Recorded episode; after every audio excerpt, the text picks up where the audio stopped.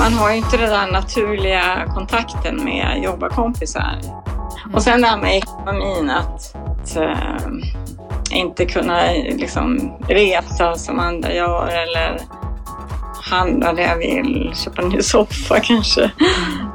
Man går tillbaka till antiken så hade man nästan motsatt syn på arbete jämfört med idag. Platon och Aristoteles såg båda två det som att arbete var en fördummande aktivitet. Något som man gjorde att man då inte kvalificerade sig för att delta i demokratin, vilket var skälet till att kvinnor och slavar inte fick vara med och rösta i den atenska demokratin. Hej!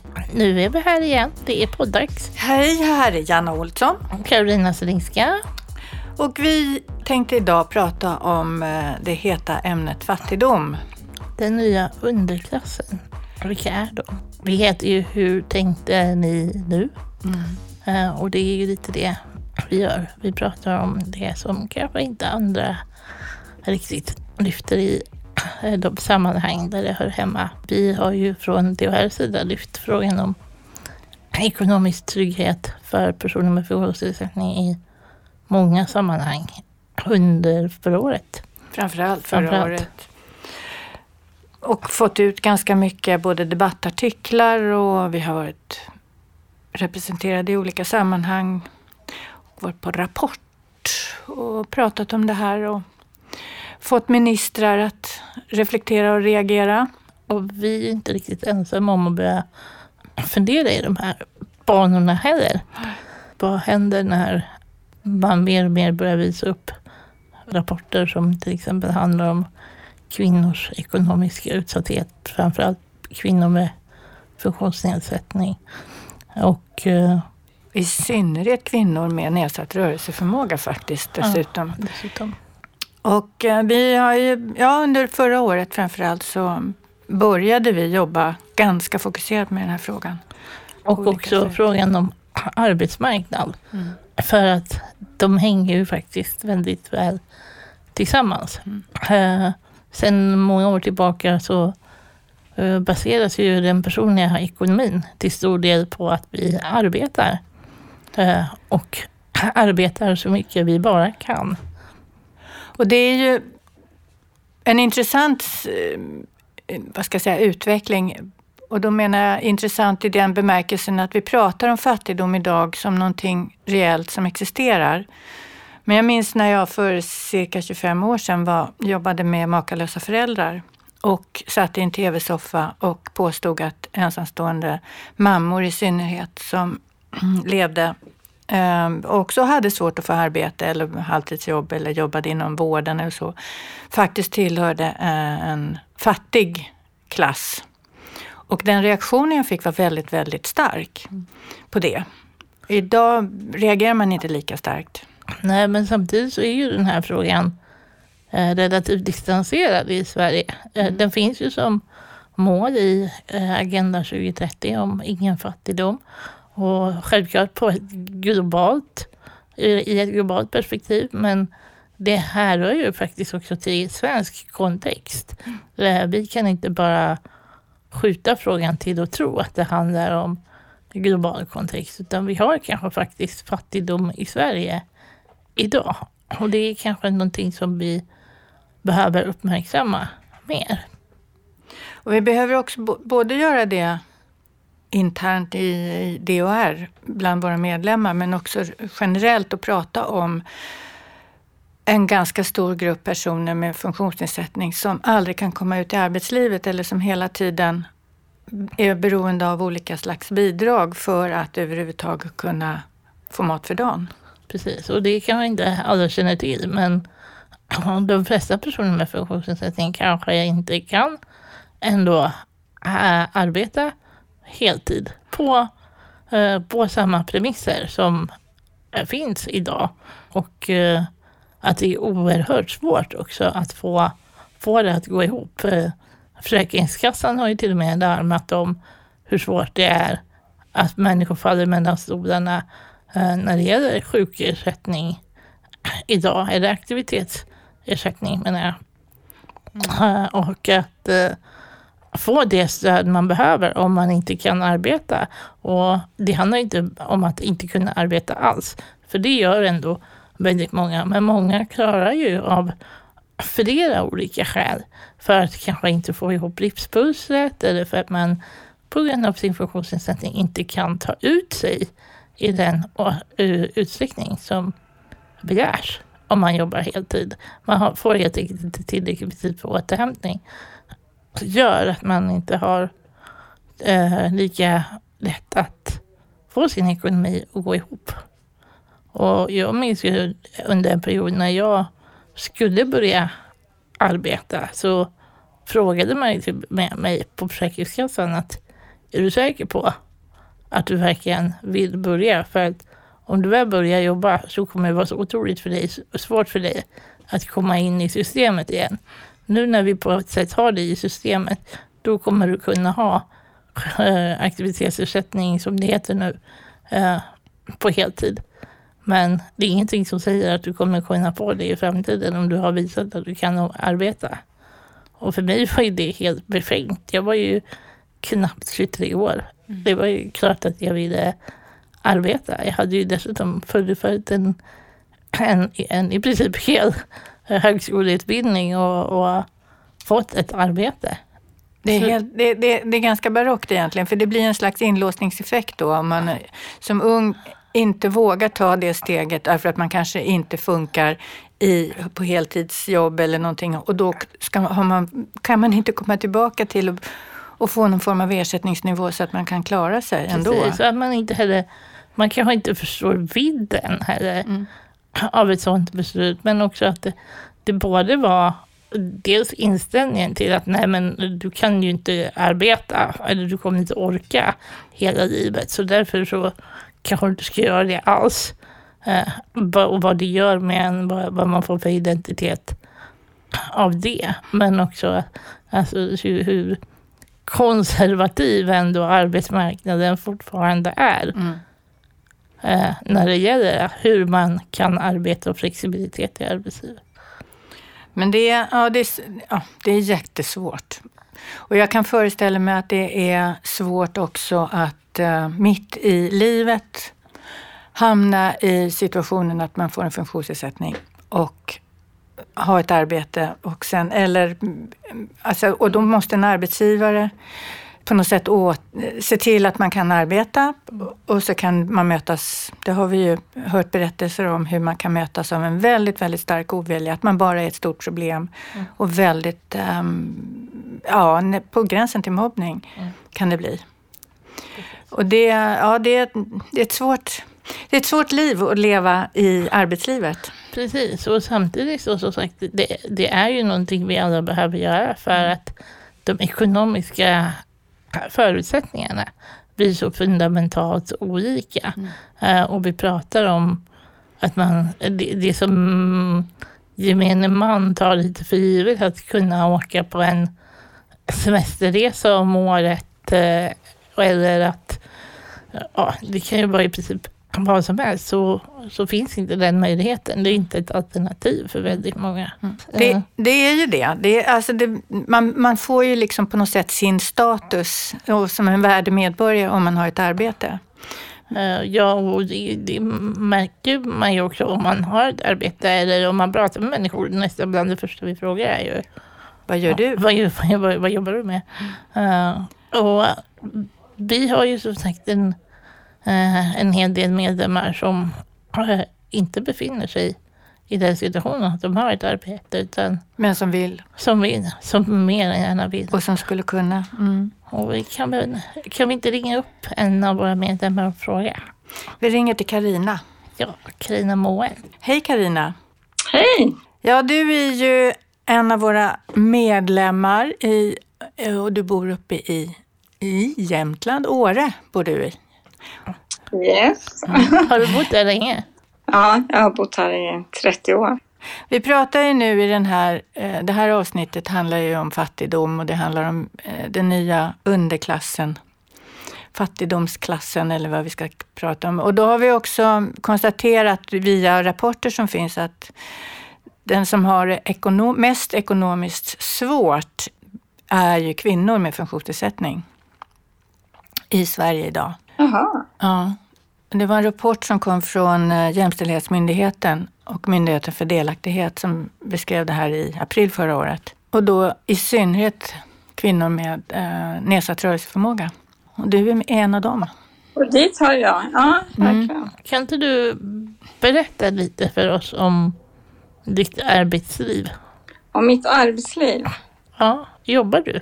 Eh, nej, nej, jag har, står med eh, till eh, arbetsmarknadens förfogande som det heter. Mm. Nej, jag eh, har haft mycket projektjobb. Alltså fram till eh, 2002 hade jag ett fast jobb, men efter det så har jag haft eh, projektjobb och kortare anställningar. Det är jättesvårt att hitta någonting här uppe. Och det är därför att det är eh, liksom få arbeten eller är det därför att du använder rullstol eller för att du är kvinna eller och? Eller vad, vad är liksom de stora vad ska jag säga, hindren? Ja, dels är det för att det är mycket praktiska jobb här. Det är mycket restaurang och kök, det är mycket liftar och skidanläggningar. Så att det är inte så mycket administrativa jobb. Mm. Och sen är det också, om- om jag ska kunna jobba på ett ställe, då måste ju lokalen vara tillgänglig. Och det måste finnas en toalett där jag kommer in. Och det, jag ska ju kunna parkera någonstans. Det faller mycket på det också. Mm. Så det är jättesvårt att hitta någonting. Men de, de här kortare projekten som du får, vad är det då? Ja, det har handlat om tillgänglighet de flesta gångerna faktiskt. Mm. Ett projekt var via kommunen att jag skulle kolla då eh, tillgängliga lokaler och mäta och sådär. Eh, sen hade jag också ett projekt eh, i, via Handikappsamverkan i Östersund. Och då var det att vi var ute och informerade olika eh, kommuner. Vi besökte alla kommuner i länet och informerade om tillgänglighet och pratade. Och sen hade vi en stor konferens. Så det är jobb som handlar om din funktionsnedsättning blir det ju då. Kanske Ja, inte utifrån, och inte utifrån vad du egentligen är utbildad i. Vad, vad är du utbildad till? Vad, vad, vad skulle du vilja göra? Liksom? Eh, ja, det var en bra fråga. Alltså jag är utbildad till dietist. Mm. Men jag har inte jobbat med det sedan 2002 kan man väl säga. Och det handlar ju om att det, det finns det ju inte jobb för här. Det finns en halvtid på hälsocentralen, det är allt. Och närmast då är Östersund och det är 10 mil dit. Men det, blir, det finns ju någon form av tro att man bara kan flytta och att man bara kan... alltså, man flyttar dit jobben finns. Men det är ju inte möjligt för dig på det sättet. Nej, nu fick jag ett papper från Arbetsförmedlingen att jag skulle söka jobb i hela Sverige. Mm. Men det är inte så lätt att flytta heller. Nej. När man, då ska man ju börja anpassa en ny lägenhet. Och, ja. Vad kommer hända om du inte söker jobb i hela Sverige? eh, nej, det stod att eh, de eh, bedömde det individuellt. Mhm. Nu imorgon ska jag träffa Arbetsförmedlingen så då får jag väl nya besked. Då. Mm. Men det här med ekonomin är, blir ju inte så roligt då när man, jag har ju stämplat ut då för länge sedan. Mm. Så då lever man på 65 procent av a-kassan. Du lever på Så- 65 procent av a-kassan idag. Ja. Ja. Och, och a-kassan i sin tur var ju 80 procent av Ja, den precis. dåvarande lönen. Ja, Ja, då blir man inte fet. nej. Hur, hur har det påverkat dig det här under åren? Man har ju inte den där naturliga kontakten med jobbarkompisar som, som annars är kul. Och sen det här med ekonomin, att, att eh, inte kunna liksom, resa som andra gör eller ja, handla det jag vill, köpa en ny soffa kanske. Ja. Mm. Mm. Tycker du att hur folk bemöter dig, har det förändrats? På grund av huruvida du har jobb eller inte? Eh, nej, det tror jag inte. För de flesta frågar, frågar liksom, ja, vad jobbar du med nu? De tar för givet att jag har ett jobb. Mhm. Och, vad du, och då säger du, just nu så har jag inget jobb eller? Nej, men jag säger ungefär att jag står till arbetsmarknadens förfogande. Mm. Eh, vad, vad gör det för din identitet då? att folk förutsätter att du har jobb men nu har du inte det. Och det har inte varit så lätt för dig att få det de senaste åren heller. Fast det ser jag som positivt att alla ändå tror att jag har ett jobb. För då, Mm. då, då tror de ju ändå att jag har kapacitet för att ha ett. Mm. Mm. Det här med att ha en, ett arbete, det är lite som du sa det här med att man har arbetskamrater. Man man finns ju i ett sammanhang som är eh, Ja, tydligt Ja. och, och, och som andra förutsätter att man har. Men hur Ja. skapar du det sammanhanget nu? Jag kommer Men- nämligen, det, jag tänker det- bara så här, hur, när jag var arbetslös så var det en av de svårare sakerna. Jag tyckte det var jävligt faktiskt. Det blir ju så att man engagerar sig i andra saker istället. I olika, alltså i föreningar och tar på sig uppdrag Mm. på olika ställen. Mm. Ja. Men det skulle, det skulle vara mycket roligare att ha ett jobb och en, bra ekonomi. Mm. Mm. Visst är det så. Ja. Men att, att man, ja, och det, ja, men jag kan ju bara utifrån en organisations eh, tillhörighet så här, det är ju tur att du skapar ditt sammanhang genom DHR. För det är ju, är ju viktigt eh, som du gör, tycker ju vi och tycker du också och även de som är runt omkring dig där. Men, men lite grann som jag sa tidigare, att du har, dina projekt har handlat om din funktionsnedsättning egentligen. Att Ja, och, det det och det är ju väldigt många som jobbar inom rörelsen överhuvudtaget. Som, och har man bra jobb så har man det inom rörelsen. Ja, men man, och det gör ju att man sällan kommer ut i så kallat vanliga livet och visar att man existerar och finns. Och blir synlig. Ja. Jo, det är sant. Samtidigt som det hela tiden behöver påminnas det här med tillgängligheten. Mm. Och jag, tror att det, jag tror att andra har svårt att förstå hur, hur, hur svårt det kan vara liksom, att hitta ett jobb som passar liksom, med alla de här sakerna. Att man ska kunna komma in och så. Mm. Att själva arbetsplatsen är tillgänglig också. Förutom att man ska klara jobbet. Men Ja. tack så mycket för idag Karina. Tack för Ja, men tack ska ni ha. Ha det gott. Ja. Ha det gott. Hej. Hej, hej. Mm, som sagt, nu fick vi en riktig berättelse En riktig bakom allt det här som redovisas på olika sätt i rapporter och artiklar och så vidare. Så här är det. Så här är det. Och det jag tycker är intressant i, i, i det hela, förutom då svårigheten att, att få arbete, vilket också blir så konstigt med tanke på att omgivningen ändå tror att hon arbetar. Så att på något sätt så den generella omgivningen är helt fullt införstådd med att hon arbetar och borde ha ett jobb. Men ändå så finns det ingenting för henne att göra. Och hur går det ihop? För att om människor generellt anser att de borde kunna jobba, då borde arbetsgivare också göra det. Men det handlar ju om vilken typ av jobb hon har möjlighet att ta. Och det är väl det som är skillnaden genom äh, att det här att bo i en storstad eller en, på en mindre ort. Ja, eller att också kunna liksom vara kreativ kring vad olika yrkesroller kanske är. Alltså finns det saker som man kan göra, man kan göra på andra sätt. Mm. eh, som man inte har tänkt på, för man alltid gör så. Så här ser vår produktionslinje ut. Mm. Eller vad det nu kan vara. Eh, men också det här med tillgängligheten. Som, Som jag tycker verkar vara det största problemet egentligen. ja, alltså det blir ju också eh, det blir ju ett hinder till Mm. egentligen. Alltså inte nog att man kanske inte kan välja från hela smörgåsbordet.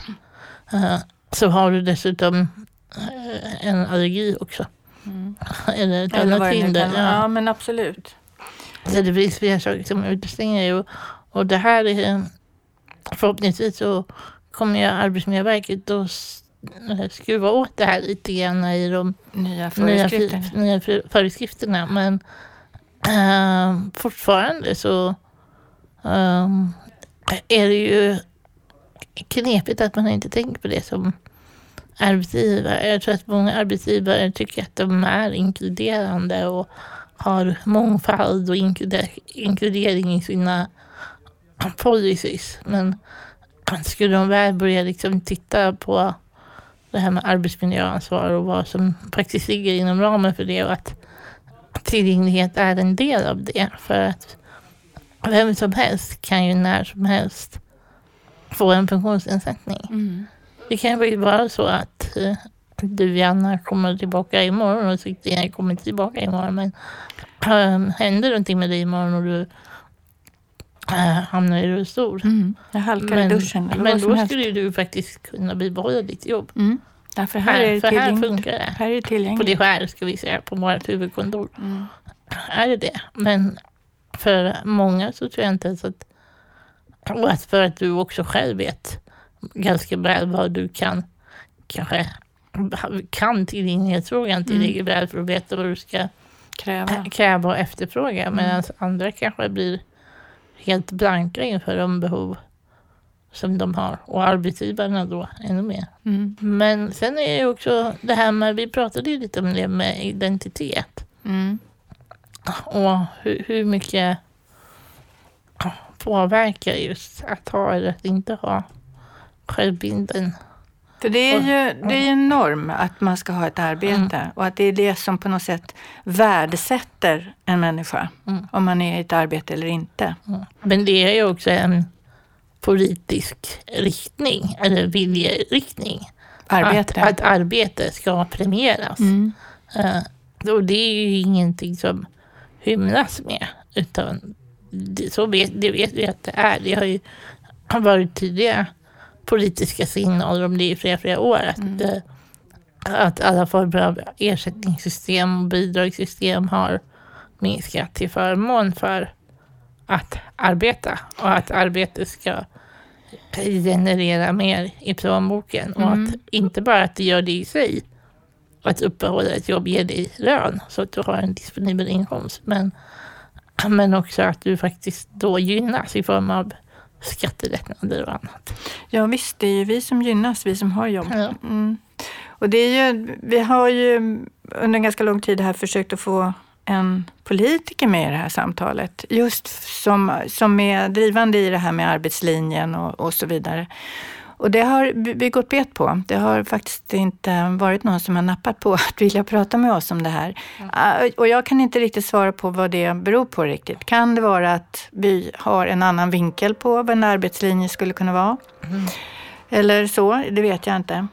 För det är ju självklart så att vi för våra medlemmar förespråkar också att våra medlemmar kan arbeta. Ja. Det är ju en sån, den linjen driver ju vi mm. till viss del på det här också. Att vi vill att människor ska komma ut i arbete. Mm.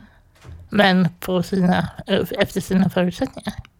Och det är ju nämligen så att det är ganska få människor som väljer att inte arbeta. Precis. Det är ju inte ett val. Precis. Då har man råd om man väljer bort ett, ett arbete faktiskt. Precis. Eller är väldigt ung och dum. Någon som kan prata lite mer med oss om det här med arbete och har forskat kring det här, det är ju Roland Båsen. Ja, sociolog och um, på, i, på Lunds universitet. Hej Roland! Hej hej! Vad har du att säga om arbetslivet? Vad har du forskat du, om? Ja, men du har forskat, du har skrivit en, en hel del. Jag läste bland, bland annat eh, den här debattartikeln om Arbetsförmedlingen som du skrev senast. Mm. Eh, men också kring det här med att vi jobbar lite för mycket, att man skulle kunna jobba mindre. Det kan man väl lugnt säga. Alltså att om man ser på hur eh, arbetstiden i Sverige sett ut de senaste 40 åren så har den eh, stått still. Vi arbetar till och med lite mer per anställd eh, än vad vi gjorde på 70-talet. Och problemet med det är att det finns inget ekonomiskt som ursäktar det här för under samma tid har vi blivit dubbelt så effektiva i vårt arbete. Och det är väl det jag mest intresserat mig för. Alltså hur kommer det sig att vi jobbar så mycket som vi gör när potentialen för att arbeta mindre är så stor? För det innebär ju också att skillnaden mellan de som jobbar, de som har ett arbete och de som inte har ett arbete också är större. Rent ekonomiskt också. Ja, det är det konstiga att samtidigt som vi som samhälle då har blivit dubbelt så rika under den här eh, perioden, även om rikedomen är ojämnt fördelad, så har det blivit svårare, särskilt under de senaste 15 åren, om man ser på hur Försäkringskassan agerar för personer som inte arbetar. Alltså det, vi har rekordhöga avslag till exempel vad det gäller um, möjlighet till personlig assistans.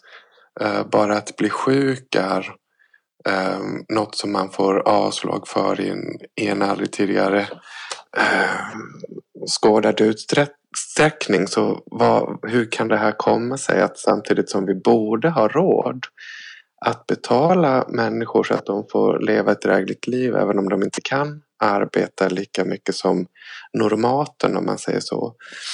Ehm, så, så ser det ut att gå åt motsatt håll. Det blir svårare för dem. Och det är en märklig utveckling, tycker jag. Det, men, normen är att man ska jobba, att man ska finnas i ett arbetsliv.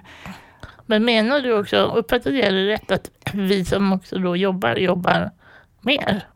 Ja, men det, det rör sig om ganska lite då under de här 40 åren. Alltså vi jobbar ungefär två veckor mer än vad man gjorde då per, per år. Så det, det är ganska lite. Men om man ser det i ett stort historiskt perspektiv, alltså om man går tillbaka till jägare, samlare, till medeltiden och så vidare. Då är det egentligen bara under industrialismens mest brutala dagar, alltså 1800-talet ungefär, som vi jobbade mer än vad vi gör idag. Historiskt sett har vi jobbat ganska lite.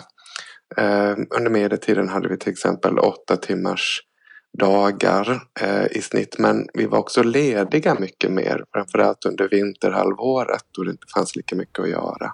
Det är ju intressant. Alltså, är arbete det enda människovärdet har jag skrivit som en fråga här. Därför att det är det som man på något sätt hela tiden värderar en människa utifrån. Vi pratade tidigare innan vi ringde dig med en kvinna som är medlem hos oss som har sökt jobb länge. Människorna runt omkring henne förutsätter att hon har ett arbete, men hon får inget arbete och det handlar väldigt mycket om en tillgänglig arbetsplats och hon bor i en glesbygd och ja, det, alltså det är liksom svårt. Ehm, men hur man värderar arbete och människan, har det förändrats? Ja, eh, det kan man nog säga att det har. Alltså man går tillbaka till antiken så hade man nästan motsatt syn på arbete jämfört med idag. Platon och Aristoteles såg båda två det som att arbete var en fördummande aktivitet. Något som man gjorde att man då inte kvalificerade sig för att delta i demokratin vilket var skälet till att kvinnor och slavar inte fick vara med och rösta i den atenska demokratin. Eh, sen under kristendomen så började väl det där luckras upp lite. Men eh, egentligen ända fram till protestantismen, alltså 1500-1600-tal, så ser man det som ett nödvändigt ont man blir inte en god människa av att arbeta. Man blir en god människa av andra saker som till exempel filosofera då man frågar Platon eller, eller in, inom religionen hur, hur pass god man är som kristen och så vidare. Eh, det kommer dock ganska snabbt under 1900-talet och sen eh, så kompliceras det hela av att det här som är en plikt och något som man måste göra också blir en rättighet. Så vi börjar se arbetet också som en väg till självförverkligande vilket är väldigt nytt. Det var, stod ju, det var en motsats till självförverkligande i, som Platon och Aristoteles såg det. Ehm, så där, där ser man hur dubbelt vår syn på arbete är. Vi ser det både som något som man ska göra för att göra rätt för sig. Så en, de som har flytt till Sverige de måste ha jobb om de ska få uppehållstillstånd till exempel eller om deras eh, anhöriga ska få invandra. Men vi ser det också som att det är bra att arbeta, man blir del av en gemenskap. Man får en mening och sådär. Och det där är ju väldigt konstigt. Varför ska man tvinga människor till något som är så bra för dem? Alltså varför behövs det att man omprövar beslut både i socialförvaltning och Försäkringskassan om folk ändå blir så otroligt lyckliga av att arbeta? ja, att man liksom hänger på låset till första bästa arbetsplats. Ja, precis. Det borde ju se ut så. Men vi alla vet ju att det, så kan det se ut för några få privilegierade. Men sen finns det jobb som väldigt få vill ha på frivillig basis där man kanske bara arbetar för att få lön. Eh, och den där skillnaden gör vi sällan. Vi talar om arbete som om det var samma aktivitet. Men idag har vi, vi har ju professorer som är professorer i filosofi som Platon då såg som motsatsen till arbete. Och sen har vi de som, som eh, ja, är sparkcykeljägare och som inte ens har en ett anställningskontrakt och så tror vi att det är samma aktivitet men det är ju helt olika, helt olika aktiviteter. Det enda som förenar dem idag är att vi har ett begrepp arbete och det täcker in nästan allt som man kan få betalt för plus lite till. Mm. Vi pratar ju mycket om arbete eh, och bristen på arbete eller bristen på sammanhang och framförallt att det här vad ska jag säga, välfärdssystemet inte täcker in många av de människor som eh, står långt från arbetsmarknaden som vi eh, organiserar. Ja, framförallt arbetsmarknaden mm. Eh, vi har, har, svårt att faktiskt eh, ta emot då personer som vill arbeta. Mm. Eh, som, och som kanske som skulle hänga. Ifrån. Ja. ja, som skulle vara de som faktiskt hänger på låset. På låset. Mm. Men mm. som inte ens får vara med. Ja. Och det, det är lite sådär, vad, vad är det man behöver göra för att skapa Ja, det är, liksom, det är ju politiska beslut det handlar om väldigt mycket. Det är, det är ju liksom politiken som bestämmer någonstans vad vi ska göra. Mm. Um, och att idag så möts väldigt många av våra medlemmar av att du får ju det du behöver. Det vill säga det jag behöver definieras som någon annan. Det är någon ja. annan, det är liksom någon som bestämmer vad jag behöver. Mm. Och lite grann det här var, ehm, och där är jag inne igen på det här med människovärde, att fortfarande dessutom då definieras jag som människa som värdefull om jag har ett bra arbete. Förstår du vad jag är ute efter? Det, det, det är väldigt um, um, svårt att vara utanför ett sammanhang som man ändå definieras, man har det man behöver men man vill kunna komma in därför det är där man behöver, ska vara i ett arbetsliv ja. alltså. Ja, ja definitivt. Och, um, här kan man väl säga att uh, dels har det hänt något historiskt vad det gäller arbetslöshet i Sverige och i västvärlden i stort. Jag menar bara på 60-70-talet så hade vi kring 2 till och med 1 procents arbetslöshet. Eh, idag har det stabiliserat sig kring 7 procent. Och det gör att det är allt fler oavsett funktionsvariation, oavsett förutsättningar eller vad som helst som hamnar utanför. Eh, och då blir det en större apparat kring hur ska de eh, hanteras också utan att eh, de som måste gå till de här jobben som man bara går till för att få betalt ska demoraliseras. Det var någonting som till exempel den förra arbetsmarknadsministern Sven Otto Littorin sa till mig när jag intervjuade honom för en bok att det är viktigt att de som inte arbetar inte får det för bra. Därför att alla de här andra som går till de här eh, tråkigare jobben, vilket för övrigt är majoriteten. Majoriteten arbetar för att få lön främst. Ja, de, de ehm, eh, kan inte se då att andra som inte arbetar har det bättre än dem. Eh, och det gör liksom att sammanhanget utanför arbetslivet får inte bli för bra. Um, Alltså, vi, skulle, vi har ju haft andra gemenskaper. Att man blir en del av samhället via arbetet är väldigt nytt. Eh, jag nämnde tidigare religionen. Det var, ju framför, det var det bärande kittet under större delen av västerländsk historia.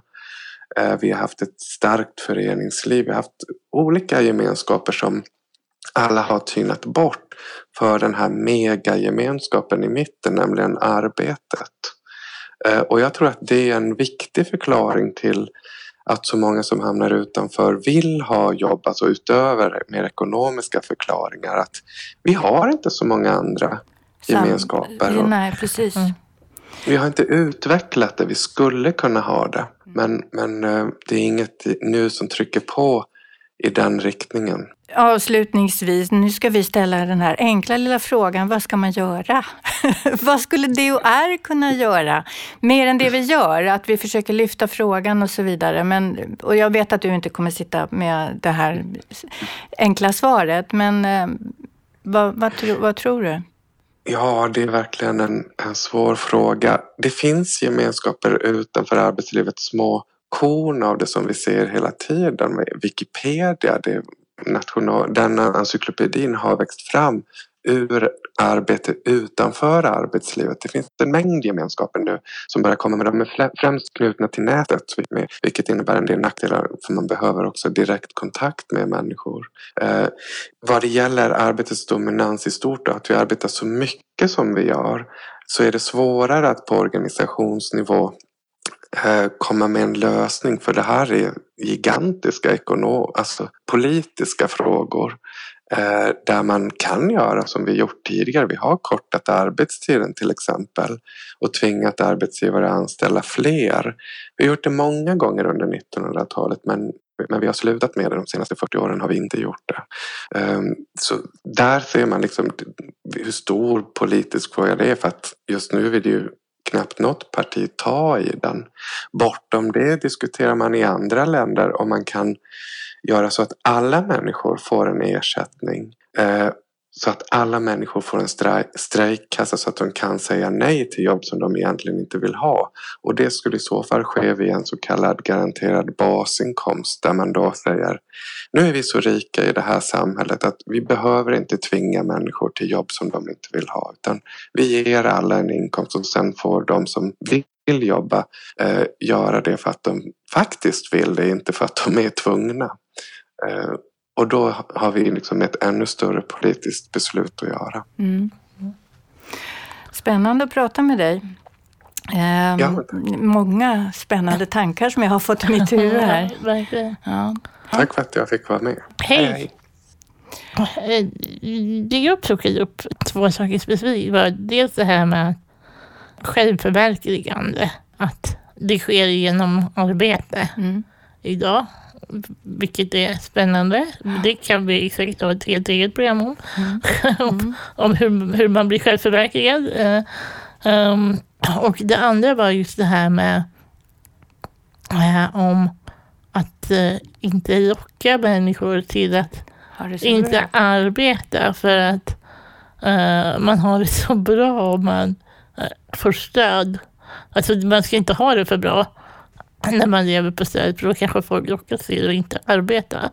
Och, och då kan jag bli så här, vad är det för naiv inställning att tro att människor har det bra? För det har de ju inte. Alltså det är en, lite av en omöjlighet. Och, Fast det finns en, det är någon slags, um, vad ska jag säga, ehm, det är ju en, värde, en, en värdegrund det här med att människan inte vill arbeta om hon inte måste. Ja, alltså, alltså, och det, det, fin, och det, är en, det är en värdering av människan. Absolut. Men, uh, men, men samtidigt så betyder inte det att uh, det är fritt fram att låta bli. Ba, alltså fortfarande så är ju de som inte arbetar och får inkomst på något sätt genom stöd från mm. samhället. Mm. Det är inte ett aktivt val man har gjort. Det är inte som att man har liksom ett kapital som man sitter och tar av och har det gott och glassigt. Utan det handlar ju om att förmodligen så finns det någonting som begränsar en till att kunna arbeta till, till, den, till, till den mängd som förutsätts. Mm också. Men det, ja, jag tycker att det är, det, det är intressant. Jag har hört den här eh, bild, alltså det här eh, tänkesättet tidigare. Som hade, och det handlar till exempel om det som inte heter socialbidrag idag. Att det var samma, att det ska ligga på, det ska inte vara, det är inte permanent utan det ska bara vara under en kortare tid och det ska ligga så lågt så att man inte, och så vidare. Det, liksom, och det var, alltså det är samma tankefigur i det som det här med att a-kassan ska vara låg och man ska, ja så vidare. Man. Men, men du får ju inte, det jag menar är bara att du, du får inte någon så här, per automatik tillgång till välfärdssystemet. De senaste nej. åren, eh, framförallt 15 åren, har det ju verkligen inte sett ut så att det är så här, här, varsågod, kom här, vad vill du ha av välfärdssamhället? Nej, men det är väl en av anledningarna till att man har Alltså man har ju skapat det, det här med de här skatteavdragen som vi kan få som har lönearbete till exempel och att det inte, att, och att det liksom inte finns om man inte har ett arbete och, eller pensionär. Mm. Och det finns, och det är ju liksom en idé är ju det att det ska vara en morot att ta arbete därför att det finns en bild av människan som att hon inte vill arbeta Precis. om hon får möjlighet. Precis. Men det finns ju fortfarande en, en prövning i, oavsett om du inte vill, inom citattecken, arbeta, eller om du inte kan av någon anledning, så, så är det fortfarande inte att någon står här och säger varsågod. Nej. Utan det, det, är ju, det är ju fortfarande någon typ av prövning där utifrån om, om det är skäligt eller inte. Eh, och den görs ju, den har ju också förändrats samtidigt som den här bilden av, av att alla ska eh, arbeta och att det är en, en morot i sig så har ju också själva välfärdssystemet som sådant förändrats. Mm, du Karo, Ja, det finns så mycket att prata om inom ramen för det här. Det här är stort. Eh, Det är jättestort. Och, ehm, ja, alltså vi har ju då inte fått någon enkel lösning på något problem eller så. Nej, det hade vi och för sig inte väntat oss. Nej, det, det, brukar vi inte. inte göra. Nej.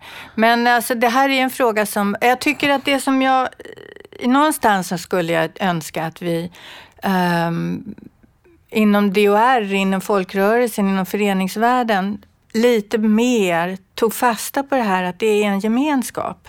Det var ju faktiskt det Karina sa. Precis. Att hon skapade sitt sammanhang i det. Men också att, och det, man behöver inte arbeta inom funktionshinderrörelsen. Det räcker man jobbar inom vad, vad för, var som helst, frimärksrörelsen eller vad du vill. Men att man hittar sitt sammanhang Precis. tillsammans med andra människor på det sättet. Men eh, som sagt, det här är ett ohyggligt stort område och eh, Ja, det blev ju nästan bara större för vi, när vi pratade med Roland. ja, det Faktiskt. blev det. Och det var roligt att prata med. Roland.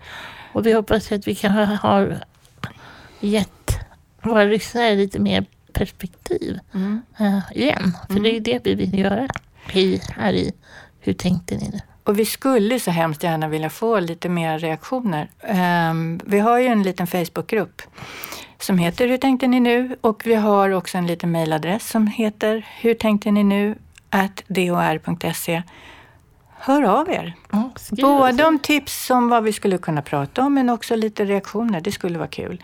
Det är många som delar och det är många som lyssnar, det vet vi. Mm. Men, eh, och det är vi så glada för.